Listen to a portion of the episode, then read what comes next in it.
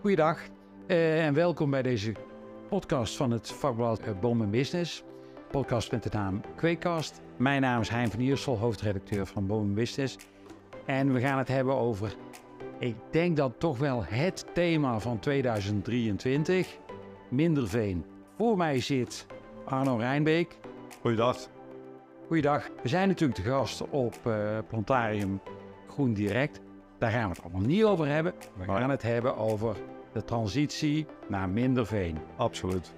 En Arno is eigenlijk al veel verder dan minder veen. Jij Ja. zit al op nul veen. Wij, zitten, wij zijn gewoon al veenvrij. Veenrij, wauw. Dat is niet eh, van vandaag. Ja. Gisteren uiteraard eh, Ja. gebeurd. Hoe Maar is daar zo gekomen?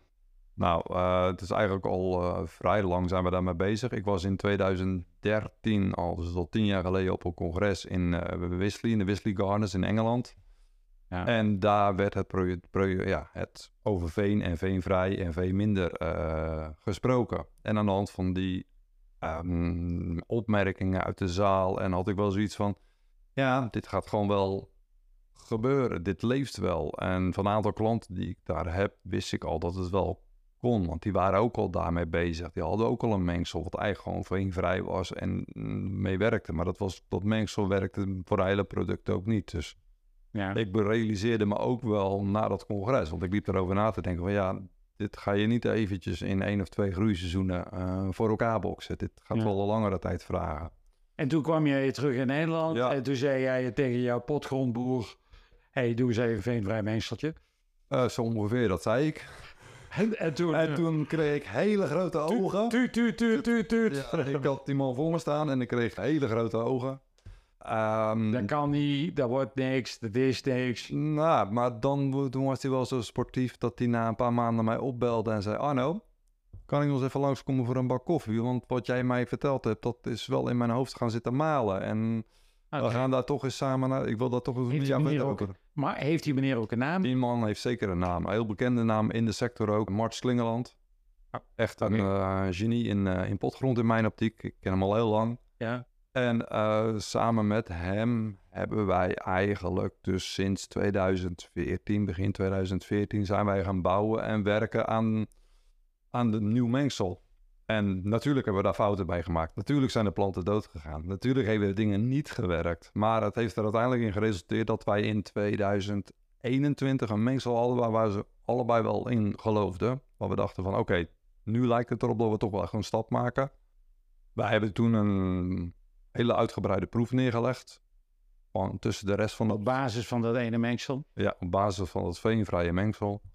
En dat hebben wij gewoon in onze teelt ertussen gelegd.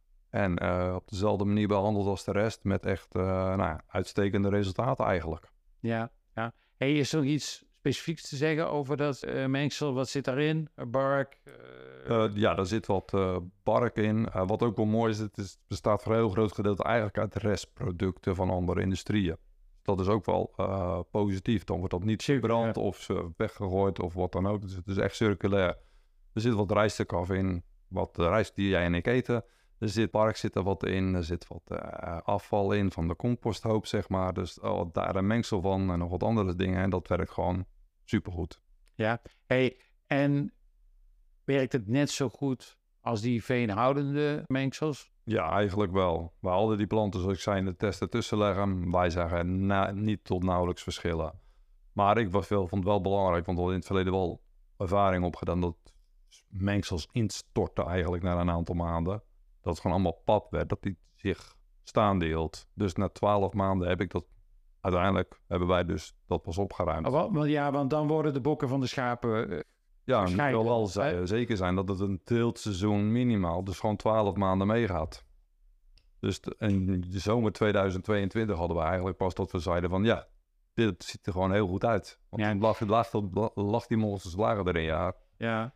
Hey, en jij gebruikt sindsdien dat ene mengsel. Ja. En dat is één mengsel wat je voor je, al je teelten... Ja, eh, ja, op dit moment wel, ja. eh, Ik heb nog wel wat ideeën, omdat we zijn nog niet klaar. Dit is niet het uitstation. We gaan wel verder ontwikkelen, want ik Ja, heb nog wat ideeën. met veenvrije me- met veenhoudende mengsels ook niet natuurlijk. Nee, dat is ook constant al 50 jaar in Ja, beweging, ja. tenslotte. Hey, en kun je nog iets zeggen over soorten? eh een Rudbeckia wel en een Echinacea niet? Of een Eigenlijk, zuurminners? eh, eigenlijk alles wat wij nu daarin gezet hebben, dat groeit gewoon goed.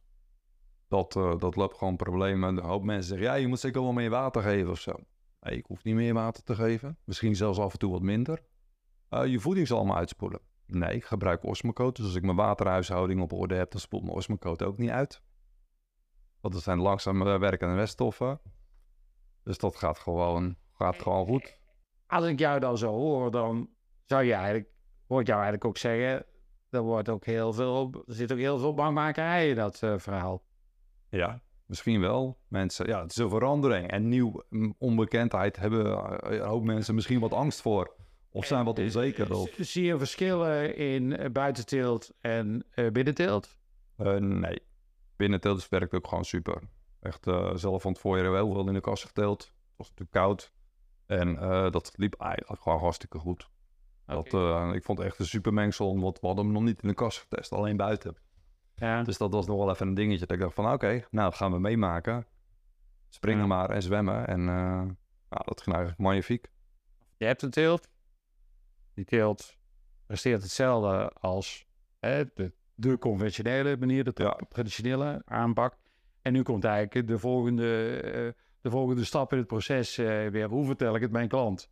Ja, nou daarvoor hebben wij een, eh, een concept ontwikkeld.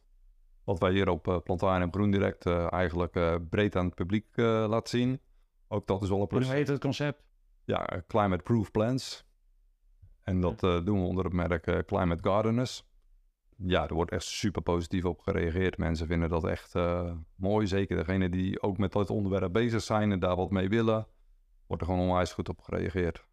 Ik denk ook dat je wel kunt stellen dat het in Nederland tussen de oren van de eh, gemiddelde Ne- Nederlandse consument voor het eerste jaar een beetje aan het leven is Ja. gegaan. Ja, Hè, dit jaar eh, is het zeker ook hier natuurlijk in de Nederlandse media wat meer. Eh, nou ja, in Ja. Engeland speelt het wel wat meer. Daar is men al meer mee bezig. ja, daar is het natuurlijk al, peat-free is natuurlijk al Is er midden. een, een oude term. Ja, hè. ja. En wij hebben gewoon tien jaar lang dat niet durven te vertalen naar uh, veeterij. Nee, nee, nee. Eh, en ook in Duitsland hoor je inderdaad toch wel wat eh, stemmen ook eh, die kant op gaan. Dus eh, Ja, dat gaat het hard. Hoe gaan de retailers met het verhaal om? Ik bedoel, als je de Nederlandse retailers spreekt, dan hebben die de mond natuurlijk ook vol met eh, duurzaamheid. Dat zijn woorden, maar Nou, ja. zijn dat ook altijd al daden? het zijn niet altijd daden.